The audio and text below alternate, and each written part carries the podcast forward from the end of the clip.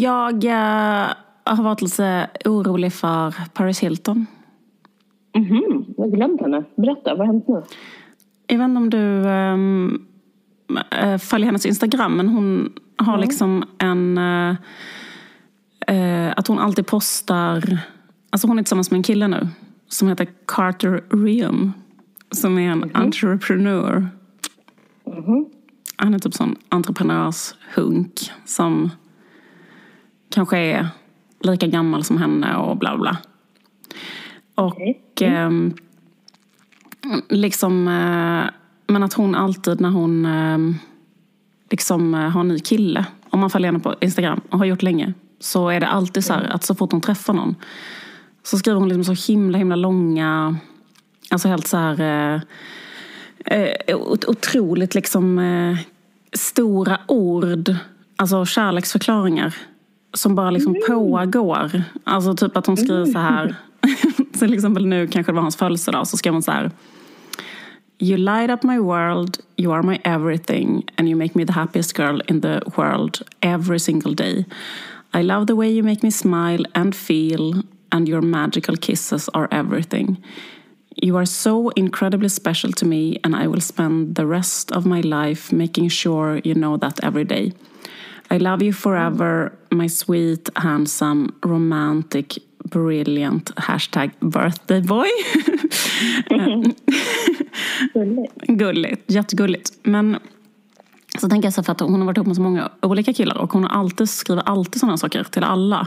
Alltså, det kanske betyder bara att hon är kan betyda bara att hon är så här bra på att vara kär, typ om man ska säga.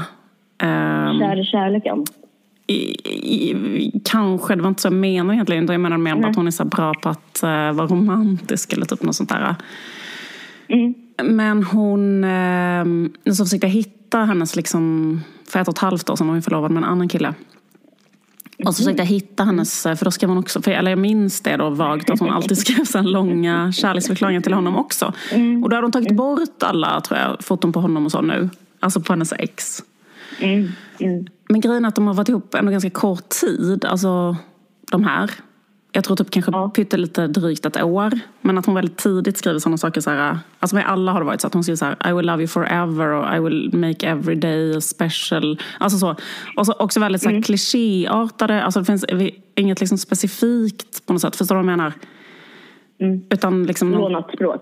Ja, eller typ man tar en sån ordgenerator och bara ta olika saker. Och det behöver inte betyda att känslorna inte är liksom sanna, men jag bara menar att det är liksom en, em, så applicerbart på, på vem som helst. Alltså på ett sätt ganska opersonligt. Mm. Ehm, och, eh, och, så började jag med, och, så, och sen så var det hans födelsedag nu. Och då hade hon postade hon en video som var så här... ehm, eh, när hon ger honom hans födelsedagspresent. Mm. Och då är det liksom att hon går ner så med honom för en trappa i sitt hus. Och sen så liksom håller hon för hans ögon och sen liksom tar hon bort händerna från hans ögon. Och då är det så, så här eh, en jätte, jätte, jättestor eh, oljemålning. Alltså kanske en gånger två meter. På de två. Som är liksom i olja. Så helt eh, eh, perfekt. Ja. Här, att, att, det, att man får så här, eh, att man bara hoppas verkligen liksom att han typ inte hade tänkt göra slut. Alltså du vad jag menar? Alltså, Mm. för, alltså det var så att förstår du ångesten är att så här, ha tänkt att göra slut med någon. Eller vara lite så här osäker. Och sen är det Ja. ens födelsedag och sen så får man den tavlan liksom i födelsedagspresent. Mm. Att, ehm, alltså blir bara, alltså det, det känns på ett sätt som ett sånt ehm, högt spel från hennes sida. Och så blev, blev, var det det du var orolig Ja, för? exakt. Att det känns liksom... ehm, Ja. Men sen så um, kom jag att tänka på en sak som är att hon, när jag kollade på den här Paris Hilton-dokumentären. Just det. Så- Ja, just det. Jag har inte sett den, men den du pratade om från avsnittet. Ja, just det, precis. Jag är mer uh, maniskt intresserad av Paris Hilton märker jag. Än vad du är. Ja, jag är inte alls liksom, eller jag, jag, jag är, vad ska man säga? Eh, artigt intresserad, alltså jag är inte maniskt intresserad. Nej. Jag, Men- jag är inte ointresserad. Nej, precis. Men hon har liksom i alla fall en... ehm, liksom hennes, vad ska man säga, manager eller... eh, typ, eh, ja, men typ mannen som typ har gjort henne, eller vad man ska säga. Det är en sån ganska så legendarisk typ Hollywood... Eh, liksom, jag kan tänka det som ingenjören bakom allt typ skabbigt i Hollywood, om man ska säga. Jaha, visste jag. Jag trodde hon, alltså, handlar inte den dokumentären typ att hon gjort sig själv? Jo, men hon har honom som sin högra hand. Han heter Shiraz Hassan. Och han är typ en äldre man som liksom kanske var liksom ingenjören bakom hela Kim Kardashian.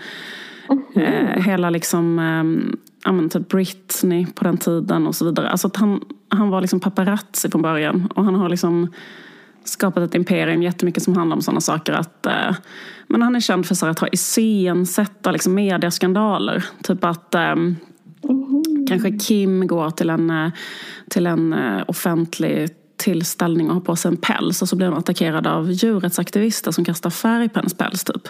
Men de djurrättsaktivisterna kanske är anställda av honom och eh, hon vet om det och allt är stageat liksom bara för att det ska vara på ett Okej, som en slags verklighetens regissör. Precis. Det han eh, gör eller skapar är så här, liksom, content till... Han, han skapade nog sin eh, liksom, stora fame och att han har jättemycket klienter då, som är kändisar. Eh, och, då, och det skapade han genom att skapa content till skvallertidningar först. Alltså stageat content liksom. Men sen så tror jag nu att nu är inte alls samma marknad för det. Eh, för det finns ju Nej, liksom det ingen som köper skvallertidningar längre. Alltså det är inte en... Nej. Utan man, och då är han istället eh, så här eh, social media strategist. Minns jag från den här dokumentären This is Paris. Ja. Och då kommer jag ihåg att jag reagerade över ett klipp som, där han förekom i den här filmen, dokumentären. För då sitter han i hennes, i liksom bilen med henne Ja. i en taxi och de ska åka till, eh, de är liksom i, vad heter det, de ska åka till Sydkorea typ. Eller de liksom har landat i Sydkorea och, eh, vad heter det, de ska göra reklam för hennes eh, eh, nya skincare line eller något liknande.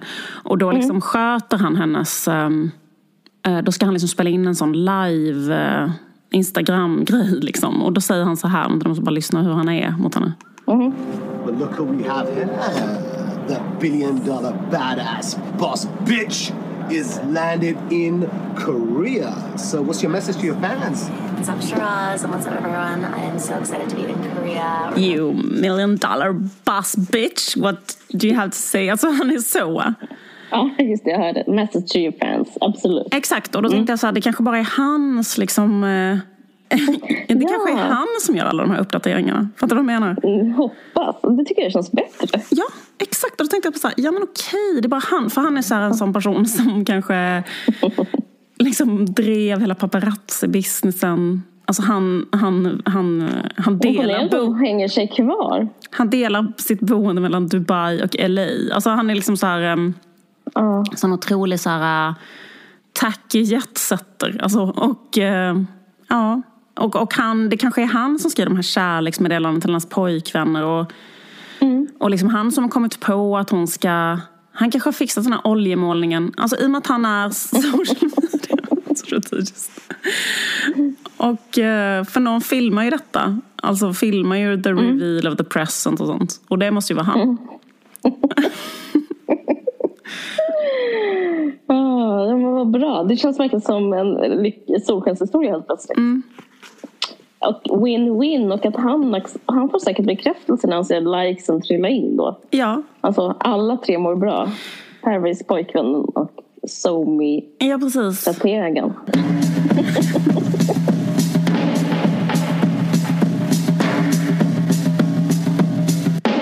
Jag vet inte riktigt var jag ska börja. Nej, Det är så det speciellt lugnt. nu för tiden. Men jag försöker liksom bara viba in och berätta lite om mitt liv. Mm. Varför är det speciellt, Mm. menar du? mitt liv.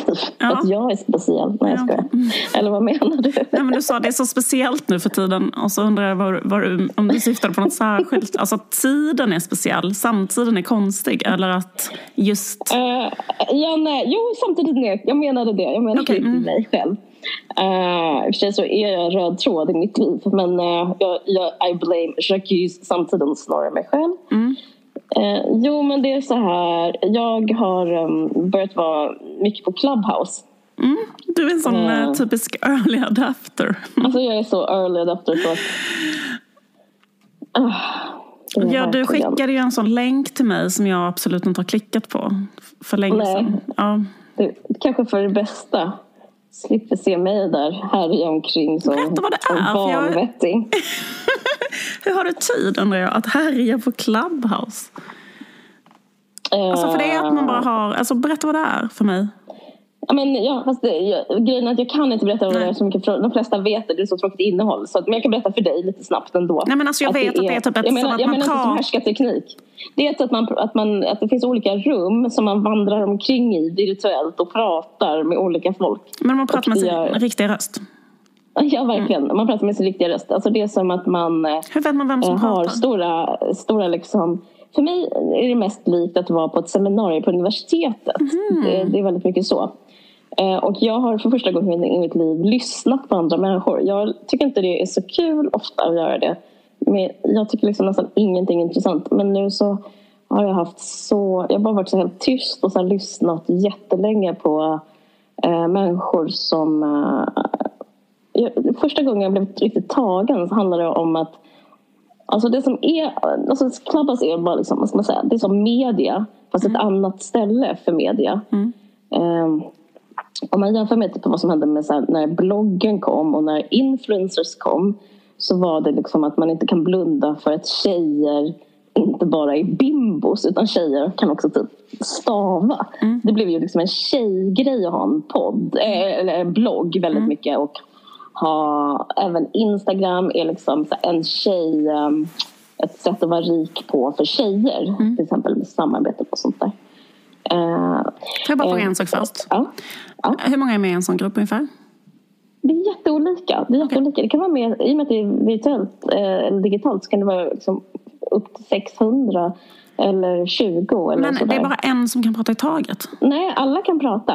Eh, men man, vem man, är, man har, det är liksom som agoran grek, i Grekland. Det är som alla, man har en publik, man har ett talarbås och sen så har man en publik.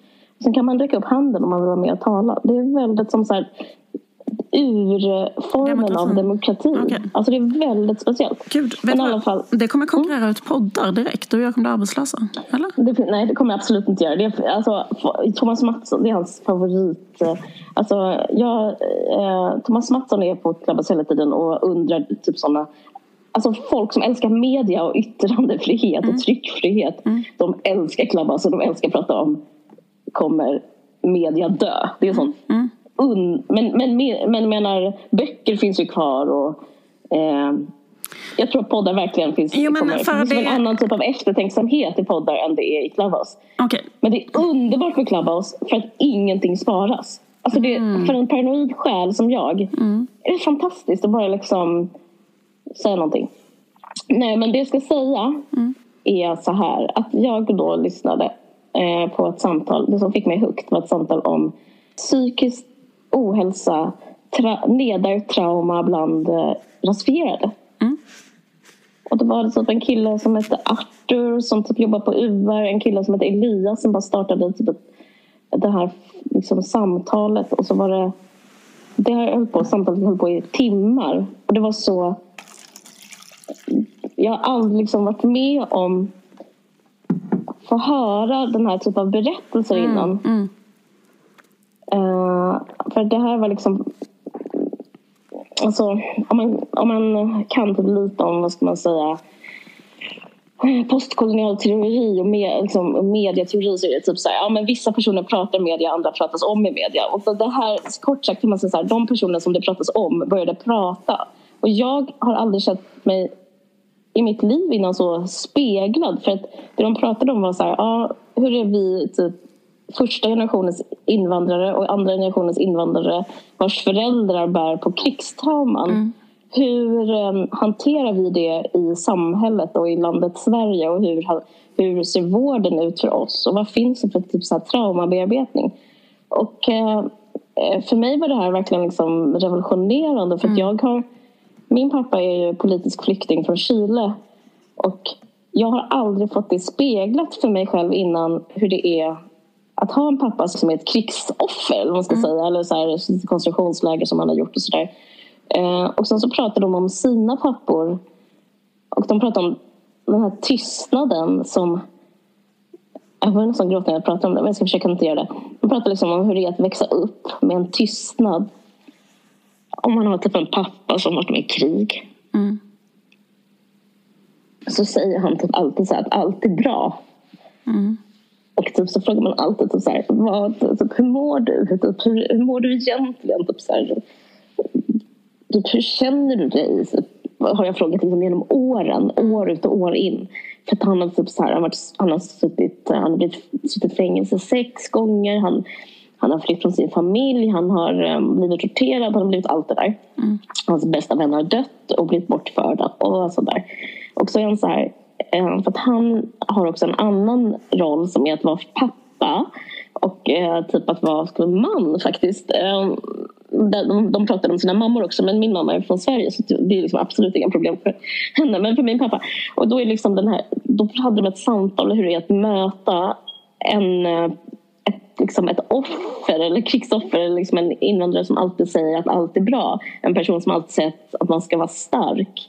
Och um, hur man själv mår av det. Och typ hur man liksom eh, inte nödvändigtvis men att man kan typ så här, ta på sig den typ av trauma.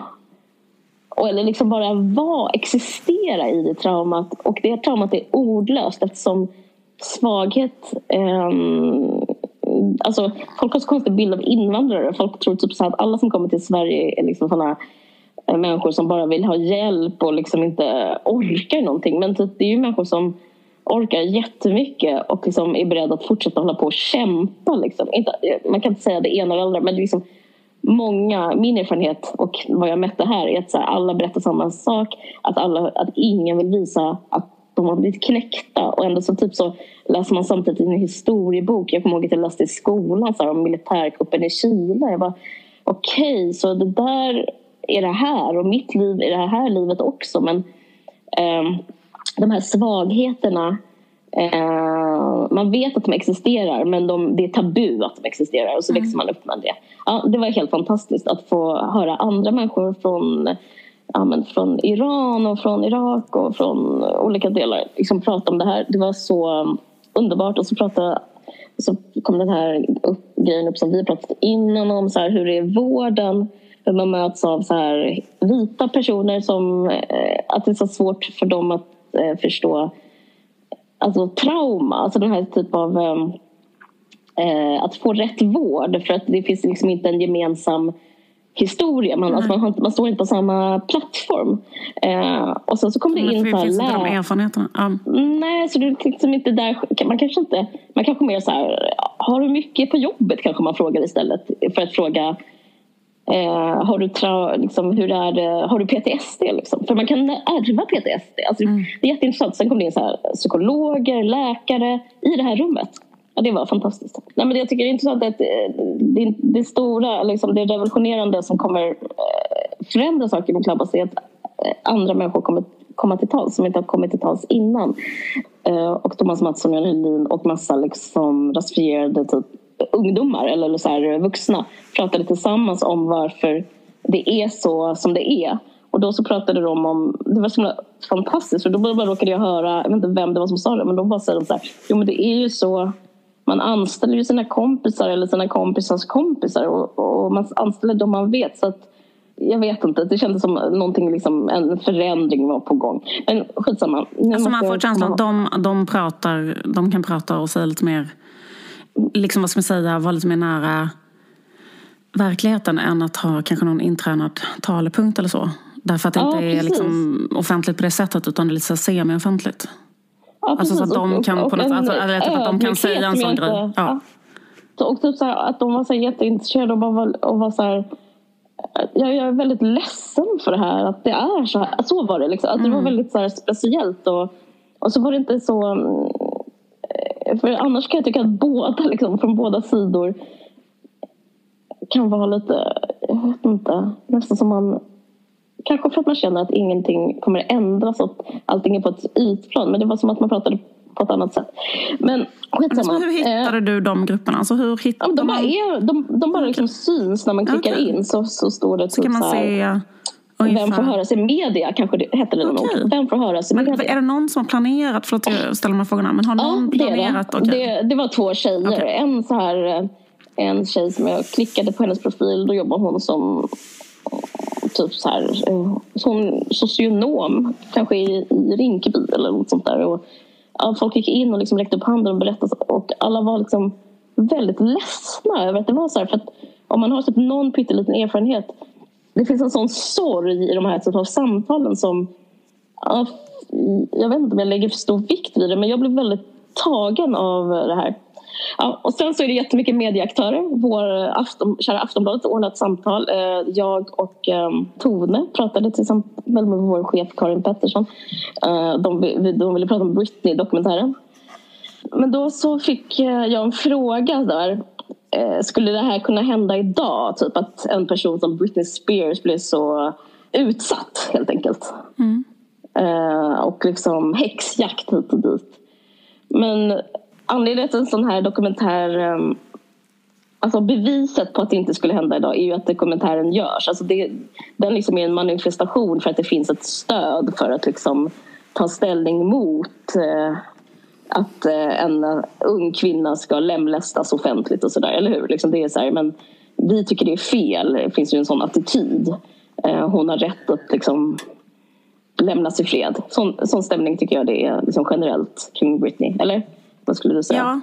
Ja, eh, absolut. Men, ju men sån- eh, jag tror... Okej, skitsamma. Vad jag Nej, men just det. klart. Nej, men men alltså, jag tror att man kan bara se orättvisor som har- är det förflutna. Ja. Alltså, Ja, men det, är- precis. ja, precis, det Ja, liksom ligger i ja. orättvisans natur. Typ så här, Ja.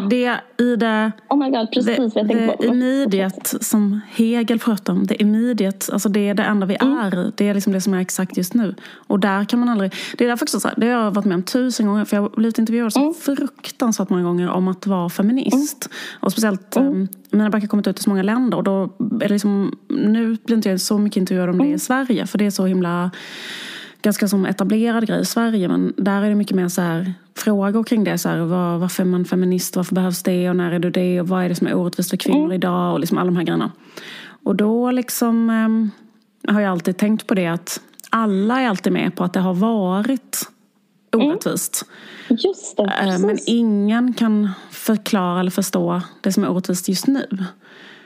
Nej, precis. Ehm, och man kan inte ens se det. Fast grejen är att vissa kan se det. Ja men precis. Nej, men för det jag tänker så här, att det finns någonting som är orättvist nu som manifesteras dels genom de här samtalen jag pratar om i Clubhouse men dels liksom också symptomen för hur, hur man, det, det som var häxjakt mot Britney var liksom olika saker. Till exempel var det ehm, snacket, tjatet om att hon skulle vara en förebild. Ehm, och det tycker jag man har lämnat. eh, man, har, man är inte på vita unga kvinnor på samma sätt längre, Nej. att de ska vara förebilder. Och eh, det har faktiskt både du och jag fått som fråga, men jag upplever att folk har liksom get off min back om att vara, är du, upplever du att du är en förebild? Är det viktigt att vara förebild? Förebild hit, förebild dit. Alltså, ehm, det, det, för det kan liksom, att frå, den frågan är liksom en slags beskrivning av förtryck. Så här, varför ska hon behöva vara förebild?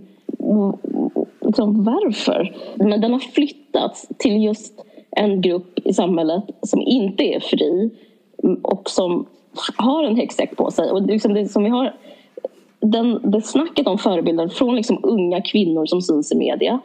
Till exempel Isabella Löwengrip. Det var sånt jävla tjat om att hon skulle vara förebild när hon kom med Blondinbella och sådär. Eh, det och som du var- fick frågan i tid och otid. Men, Precis, men, men- det som var grejen var väl så mycket att man menar att hon var en dålig förebild. Alltså typ så. Just det, Liksom att, Britney var dålig förebild. Exakt, och- för att hon hade så här, slampig stil till exempel. Ja, till exempel där en Sawyer frågar så här, men förstår inte du typ om du klär dig så, så vad ska typ så här, unga tjejer tänka när de ser dig?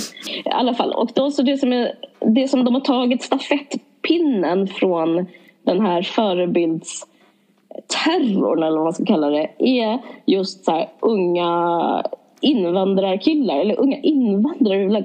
Och det finns, liksom, finns, det finns liksom identiska footage av vad Britney var med om klipp till 20 år senare vad typ hiphoppare är med om idag. Till exempel, kommer du ihåg den här att när Greekazo sitter hos Malou och arga snickaren sitter och typ så här tjatar på att, hon, hans, liksom, att han ska liksom Fattar du inte att du är en förebild? Du är en förebild, du är en förebild. Alltså, eh, du minns det här va? Mm. Um, Absolut. Att han inte får sjunga om knark, eller vad det nu var. Mm.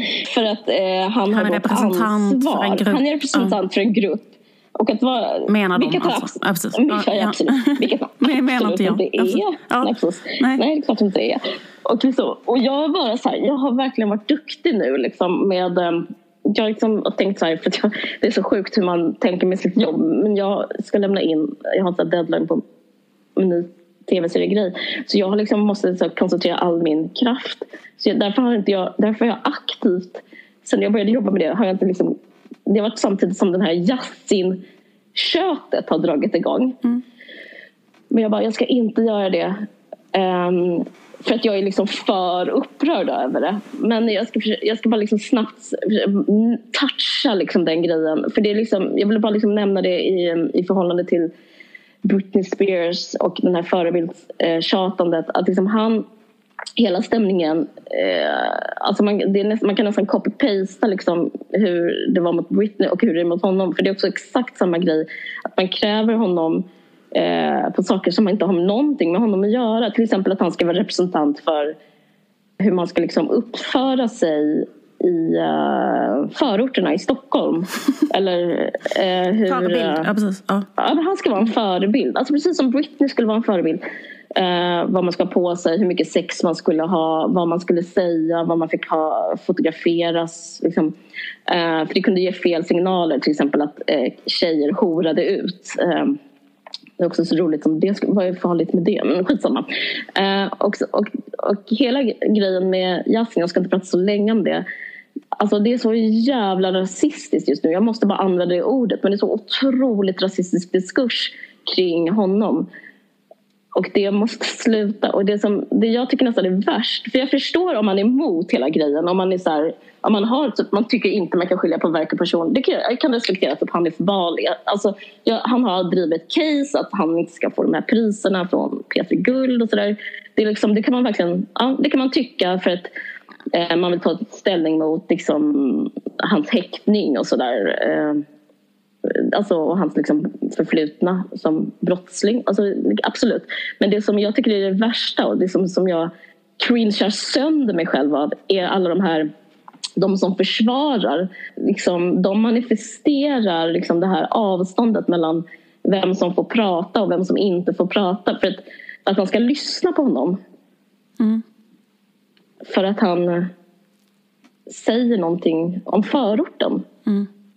Alltså det största liksom, brottet som görs här, förutom eh, jag försöker inte liksom pun intended, men det som är att man, in, man vägrar se honom som en eh, fri konstnär. Alltså på samma sätt som man faktiskt vägrade se Britney Spears som det. Jag ska inte driva den tesen så jävla långt, men om man bara ser honom som typ en poet eh, eller typ en musiker som skapar och som gör texter då, då, går det liksom inte, då går det inte att ha, tänka den grejen en sekund. Alltså det, det skulle vara absurt. Varför skulle han säga någonting?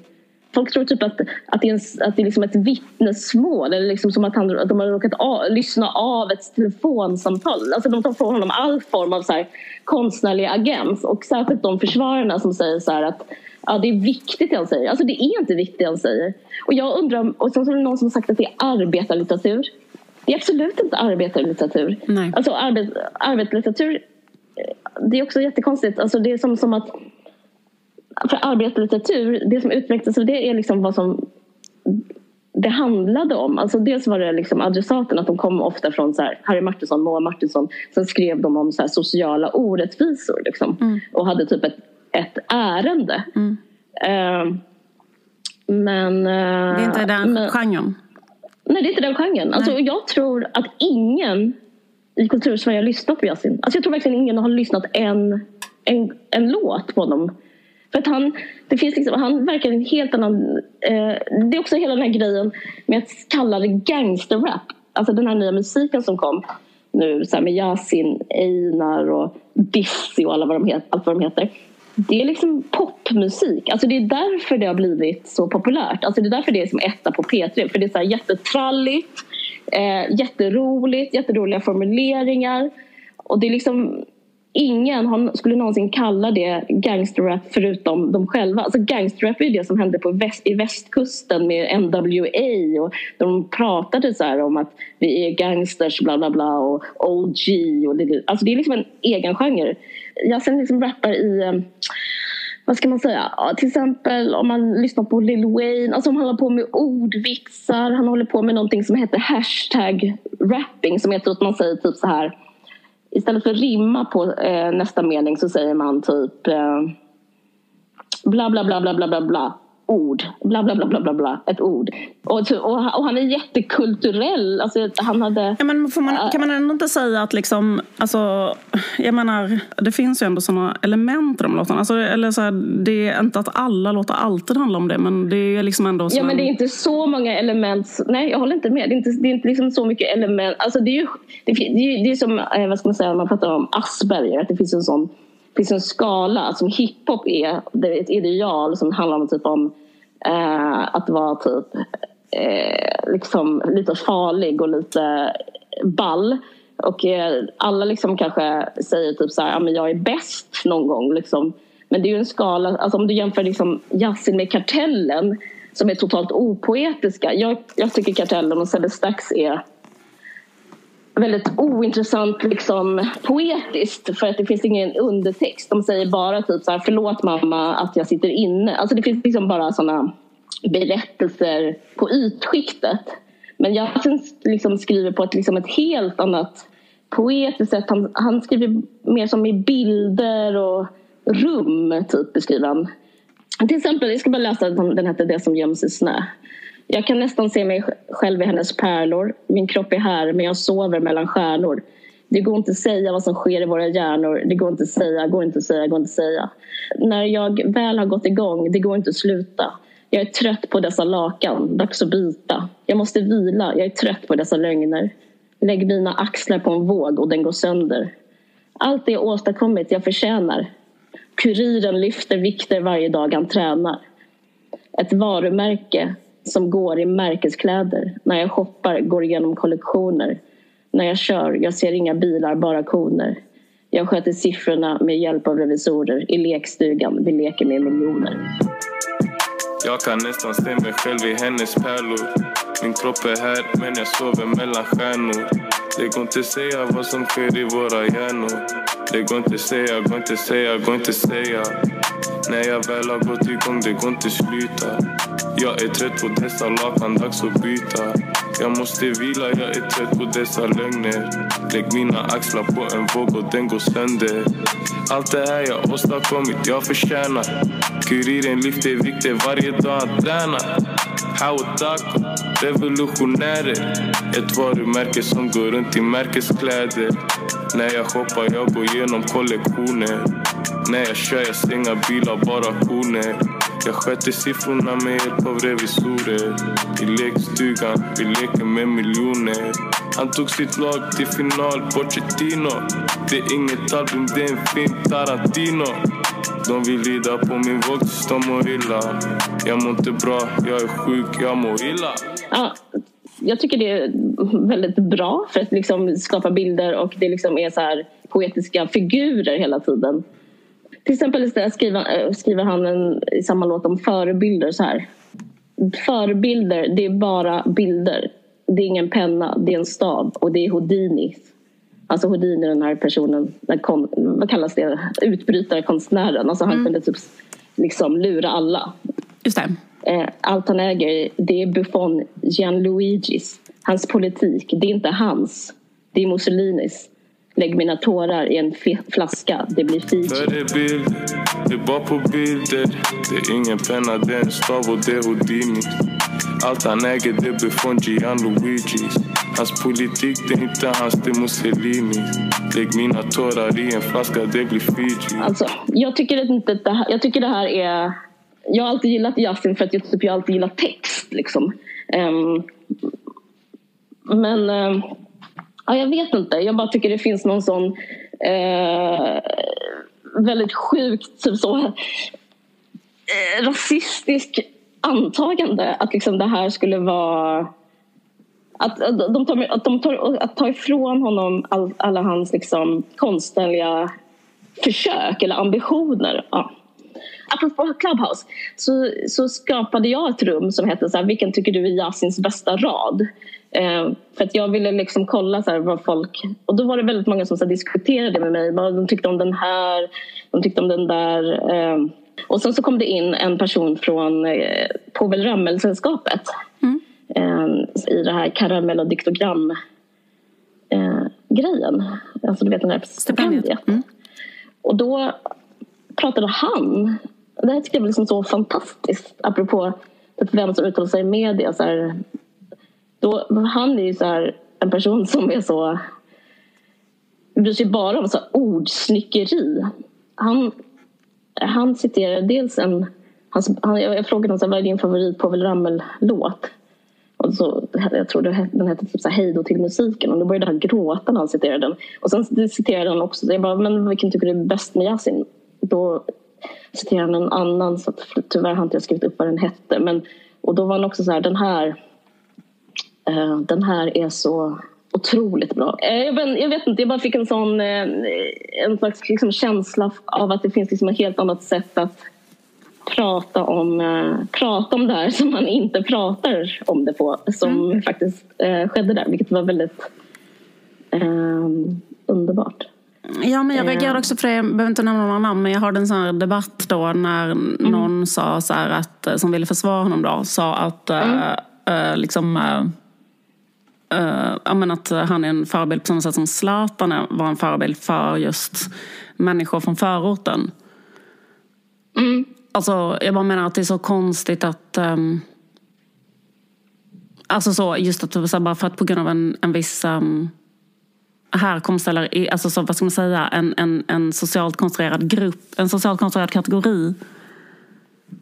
Mm. Alltså det Blir- finns ju brott i förorten också. Alltså Nej, nej, men jag menar att, också. Så det jag, liksom- menar, jag, menar, alltså, jag bara menar att det är så konstigt att mena på att just därför måste en person vara en förebild. Alltså, ja visst. För, eh, precis, alltså, det var samma sak som du sa. Jag bara eh, sa ett exempel Mm, till. nej, men att jag hörde det. Och, och, och sen så, eller jag tycker det var intressant också det där med just så att... ehm, eller så här, för jag tänker liksom att det är så också fel att tvinga författare och konstnärer att vara förebilder för att de inte är det. Alltså, För att liksom, det är nästan... Man kan göra det, men då kan man lika gärna förbjuda konst överhuvudtaget. Alltså, är det nästan bättre att förbjuda någon att skriva en bok. Eller, alltså fattar du vad jag menar? Hellre än att så här, säga att om du ska göra det så måste du också, och ännu mer, alltså typ att du måste säga någonting uppbyggligt eller moraliskt eller så vidare. Alltså det, det är väldigt svårt att göra det och skapa konst som är intressant. Eller det är nästan omöjligt liksom.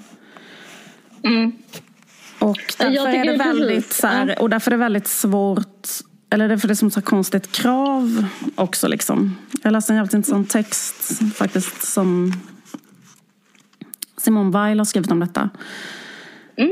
Eh, som he- heter så här, litteratur och moral. Ehm, Som handlar om liksom att det är nödvändigt när man skriver att vara liksom omoralisk om man ska säga. Eller att det är så här, eh, eller det är liksom inte samma sak, eller man ska säga. Så det är så två olika saker. Att, Verkligen. Eh, Men hon, hon skriver så här. ehm, I verkligheten, menar hon att det är så här. Att um, så det som inte är fiktion menar hon så här, ingenting är till den grad skönt, underbart, ständigt nytt, ständigt överraskande, fyllt av ljuv, outsinlig berusning som det goda. Eh, ingenting är så ödsligt, glanslöst, enformigt och tråkigt som det onda. Så förhåller det sig med det äkta goda och det äkta onda. Men det mm. uppdiktade goda och onda, mm. där är det på helt motsatt sätt. Det uppdiktade goda är platt och tråkigt. Det uppdiktade onda är omväxlande, intressant, djupt fängslande och fyllt av tjusning. Mm. Liksom att man tänker sig typ en eh, bebis som skrattar eller något liknande. Mm. Att det är liksom skönt, underbart, ständigt nytt, ständigt överraskande, fyllt av en ljuv, outsinlig berusning att titta på det, typ. Mm. Mm, Men det är inte så bra som roman. Alltså. Nej. liksom. Uh, och på samma sätt, liksom så. Men, men sen så menar hon, alltså hon är väldigt um, en väldigt liksom, alltså, överjordiskt uh, moralisk person, Simon Weil. Som liksom, mm. uh, så hon strävar hela tiden efter övermänsklig moral på något sätt. Och då menar hon att det som är riktigt genial litteratur och konst är den konsten som visar det goda och onda samtidigt i två Mm. Eh, liksom, så att man ser hela tiden hela spektrat. Liksom. Och typ att till exempel att hon menar så att i mm. Iliaden mm. så ser man både den som vinner kriget och den som förlorar kriget. Och båda de sakerna är med i berättelsen och görs begripliga. Liksom att det finns så många eh, liksom, eh, vad ska man säga, aspekter och så av någonting. Så att man mm. Ehm, kan få en så här jättedjup förståelse för det, liksom, det onda och goda och sådär. Nej, vad intressant. Ja, men jag tänkte på den här grejen med så här, ah, man, att man så här, uh, jag, kom, jag har inte den textraden framför mig men jag kan kanske posta den på mitt Insta sen. Men det finns en, att han beskriver sig så att, han, att det är blod, jag har blod på mina skor. Och, eh, det finns sådana bilder som Yasin skriver om Eh, och jag tömmer ett magasin, eller liksom det är ett, töm, ett tömt magasin och jag har blod på mina skor. Ehm, eh, det kan ju också... Man kan, det är inte bara en, ett sätt. Alltså den kommunikationen, den texten eller poesin för att göra det övertydligt den kommunicerar inte bara en sak utan alltså den kommunicerar, alltså, jo, till, till ledarskribenter och politiker så kommunicerar att det är det är någon så här som vill styra upp ett gängvåld. Men, men om man tolkar det till exempel som man tolkar Lars Noréns dagbok eller Knausgårds Min kamp eller Kerstin Tovall, alltså folk som har på mycket med så här, lek med det autofiktionella så kan man bara se det som ett sätt att prova en figur, alltså liksom som anspelar på också eh, perceptionen av en själv. Och jag håller på extremt mycket med liksom bilden alltså, av sig själv som eh, alltså han, han gör det i sin konst. Och till exempel i sista eh, albumet så har han eh, ett sitt passfoto sitt, ehm, eh, på omslaget av, av sin LP, eh, eller EP kanske man säger. Eh, liksom att det, och det betyder ju inte att, så här, att det är hans handling när han ska åka till, över till Danmark. Det är inte hans liksom, EP han visar upp utan det är liksom eh, idén om att det är han då. Men alltså, han är inte highbrow. Och det, jag, jag upplever att det finns liksom sånt att det, det, det, det har liksom ingen ens övervägt att han skulle kunna typ vara highbrow. Att han skulle kunna typ ha en, liksom, en intellektuell hållning till hela den här grejen. Men liksom, förra skivan som kom i höstas, det är en extremt eh, känd bild i Martyren som Sebastian eh, som han har då på omslaget som antagligen han eh, liksom, identifiera sig med. Men liksom, det är ingen som så plockar upp sån typ av grej utan alla plockar bara upp det som att de tror typ att det är ett hot. Det han gör. Liksom. Eller jag, jag vet inte. Ja, men, men alltså, man måste väl för sig säga det att alltså, det är väl för att alltså, situationen är ju ändå en otroligt så här, extrem och vad ska man säga, ganska så här, häpnadsväckande situation ändå. Alltså, jag men menar, det är ju inte... Det, är ju, det har ju också jag menar att, här- att, att någon blir häktad det som är så känd och Ja. är toppar så många listor. Och, alltså, för, vad jag menar? Alltså, det är Men han ändå är liksom häktad. Att, så, han är häktad, Ja, men men, han är ju också det här. Jo, Det det absolut. som Men jag ingen, menar, jag, ingen gör ju liksom uppdelningen. Alla tror att han är häktad eh, för att han är det här och han är, han är det här och sen så är han häktad. Alltså alla tror att Ja, men jag det tror är att samma. folk, ja, precis, men jag menar bara att det blir så, det blir ju liksom en, ehm, en, eh, en faktor, alltså en sak som blir en, en eh, alltså i, i verkligheten så exist, det existerar ju ändå en verklighet parallellt. Alltså, förstår du vad jag menar? Och den verkligheten blir ju såklart eh, liksom någonting som eh, påverkar. Alltså att, alltså, så att det, det blir liksom, alltså känslan kring det blir ju annorlunda på grund av hur verkligheten ser ut. Eller? Jag Jag menar, vet man kan ju inte på något sätt heller bara ehm, liksom inte reagera. Alltså, eller jag menar, eller jag, menar eller jag kan ju förstå att folk Det är klart att han ska bli dömd för brott om han Ja, är men, nej, men, inte, skyldig, nej, nej, nej, men det är inte alls det, nej, men är inte alls det jag menar. Men jag bara menar att så här, jag reaktionen är på... är hur alla pratar om hans musik. Att, det är, att Ja, okej. han säger någonting i hans musik som handlar om hans brott. Ja, Okay. Eh, jag vill bara presentera möjligheten att han kan också vara en person som gör musik eller gör konst och kan vara skyldig eller inte skyldig till brott. Och kanske inte särskilt bra på samhällsstrukturer eller någonting. Han kanske inte har någonting att säga om, om eh, hur det är liksom i förorten. Alltså, han kanske bara är en person som jag är som typ gillar att skriva om sin, eh, liksom, vad ska man säga, omvandla sin verklighet till text. Liksom. Ja. Alltså, men det betyder inte att det är ett vittnesmål för det. Och liksom, om man ska ge andra personer, det blev en jättestor debatt med Katarina Frostenson, om man ska ge henne liksom möjligheten att liksom, trots att hon varit med om något väldigt extremt i verkligheten, om man ska ändå ge henne möjligheten att tolka hennes text som så essayistisk eh, eller till och med som en roman så tycker jag att liksom det är orättvist att inte göra det med Yasin. Um, Men, eh, men det är också liksom... Jag upplever att Yasin spelar, är som en vedträ liksom, och folks olika eldar. Liksom, folk har politiska agendor som de använder.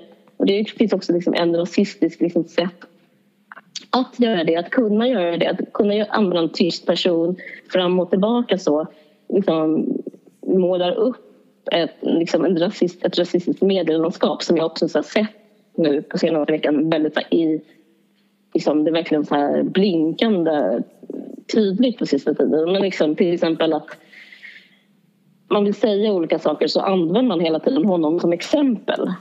Um, jag, alltså, och hans kriminalitet som exempel. Men också att han är en så här hiphoppare och eller gangsterrapper som man kallar det. Det är ju till exempel inte så många skjutningar. Det, hörde du den nyheten att man trodde att det var mycket mer skjutningar i förorterna än det var. Alltså det, är liksom, det finns liksom en typ av berättelse hela tiden som också så här piskar upp liksom hur hemskt det är i förorterna. Det är inte så hemskt i förorterna. Det är typ jättetrevligt i förorterna. Och liksom det farligaste stället i, i Sverige är väl Björns trädgård. Alltså, nej. Och, och den farligaste stadsdelen är tydligen vad heter det, Norrmalm, alltså där jag bodde innan. Alltså, det finns liksom jättemånga sådana grejer som eh, liksom berättelser liksom som är politiska och liksom eh, populistiska som hela tiden liksom florerar för att ja, alltså eh, SD har ju jättemycket men liksom även, även andra liksom som driver politik håller ju på och använder det är därför jag är så emot att liksom, man pratar om Yasin i sina ledare. Alltså, led, jättemånga ledare och skribenter skriver om honom fram och tillbaka för hela tiden sina syften. Eh, både liksom positivt och negativt. Men det är ju samma sak med liksom invandringsfrågan som man också försöker liksom eh, blåsa upp. Det är liksom inte så stort problem utan det är liksom bara en... Eh, det är ett sätt liksom bara att eh, skapa opinion och prata om eh, om liksom invandringen och den ökade invandringen. Det är liksom bara en åsikt att det är ett problem men det är liksom inte det som är farligt i vårt samhälle just nu. Alltså till exempel, efter pratar om invandrare som på ett sätt för att få eh, väljare. Men det är ingen som bryr sig om typ SDs, liksom, vad de tycker om skattefrågan eller vad de tycker om typ de, det var någon sagt att de ville lägga ner Arbetsförmedlingen och vad de tycker om skol, eh, liksom, privata skolor. Och, alltså det, finns liksom, det är bara sådana populistiska frågor som han får vara liksom, totalt objekt för att bli, liksom, eller eh, funktionsyta att bli liksom, producerad vad som helst för. Um, ja, jag vet inte. Jag tycker, uh, jag tycker det är fel helt enkelt. Eh, jag hoppas inte jag behöver säga det men eh, det är inte som att jag inte tycker att han skulle bli dömd om han har begått brott. Det är absolut inte det jag pratar om. Eh, därför det var lite uppfriskande i alla fall att prata med den här karamell och diktogrampersonen som tyckte han var så himla eh, bra i alla fall.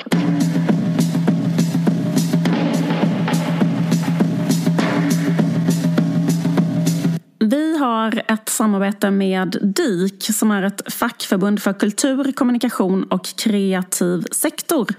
Eh, det är eh, jättebra att vara med i facket, speciellt i dessa tider och speciellt i de här eh, branscherna. Även om man pluggar eller om man jobbar så är det jättebra att gå med redan nu i DIK. Man kan gå in på dik.se för att bli medlem. Ja, precis. Och där kan man också se hur mycket man borde tjäna om man inte vet det. Eh, DIK är, om man ska förklara det lite närmare så är det facket för alla som jobbar eller studerar inom kultur, kommunikation och kreativ sektor. Och ehm, eh, ja, man kan säga att DIK arbetar för schysstare arbetsvillkor och eh, det man får när man blir medlem är inkomstförsäkring personlig lönecoach, karriärcoach och ett arbetsrättsligt stöd. Och DIKs medlemmar jobbar både i privat och i offentlig sektor. Till exempel bibliotek, kommunikation, reklam, arkiv, museum, design och språk. Mm. Just nu så har DIK släppt sin årliga lönestatistik. Det är väldigt intressant för de gör då statistik varje år som baseras på medlemmarnas löner. Så om man undrar eh, vad man tjänar inom kultur, kommunikation och kreativ sektor så kan du gå in på dik.se för att ta del av den här statistiken.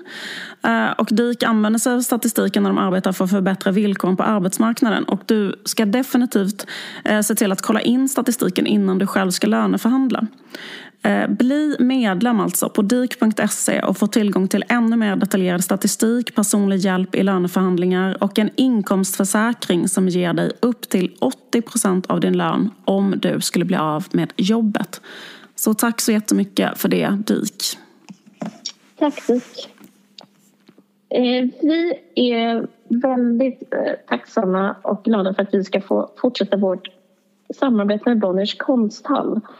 Bonniers konsthall är ju en eh, konsthall eh, för samtidskonst och den eh, ligger i centrala Stockholm. Torsgatan 19 nära Vasaparken, Sankt Eriksplan om man vill gå dit. Och just nu så visar konsthallen en jätteintressant utställning med konstnären Ann Böttcher som är en av Sveriges liksom, största konstnärer. Den heter Verk 2000 eh, till 2020, alltså det år 2000 till 2020. Och eh, man får första, för första gången gå in och liksom se eh, förstå det här, hennes konstnärskap över tid och kanske hitta en röd tråd och underliggande frågor. Och, eh, och ofta handlar sakerna om samma sak. Alltså det, hennes verk rör sig kring frågor om ideologi, kontroll och, det, och identitet. Eh, det är i form av porträtt av andra men också henne själv. Eh, och eh, jag har sett lite av hennes verk och är väldigt intresserad av henne för att hon hon tycker om det jag tycker om.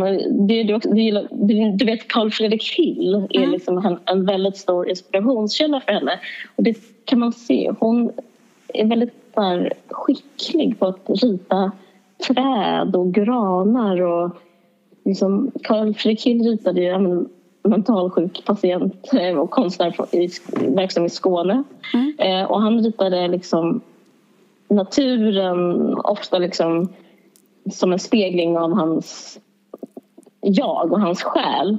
Och eh, jag skulle nog säga, dels för att hon själv säger det men också för att man kan se att hon liksom tar över en slags stafettpinne från hans liksom att rita träd och eh, en natur som är väldigt besjälad och väldigt stark och sorglig.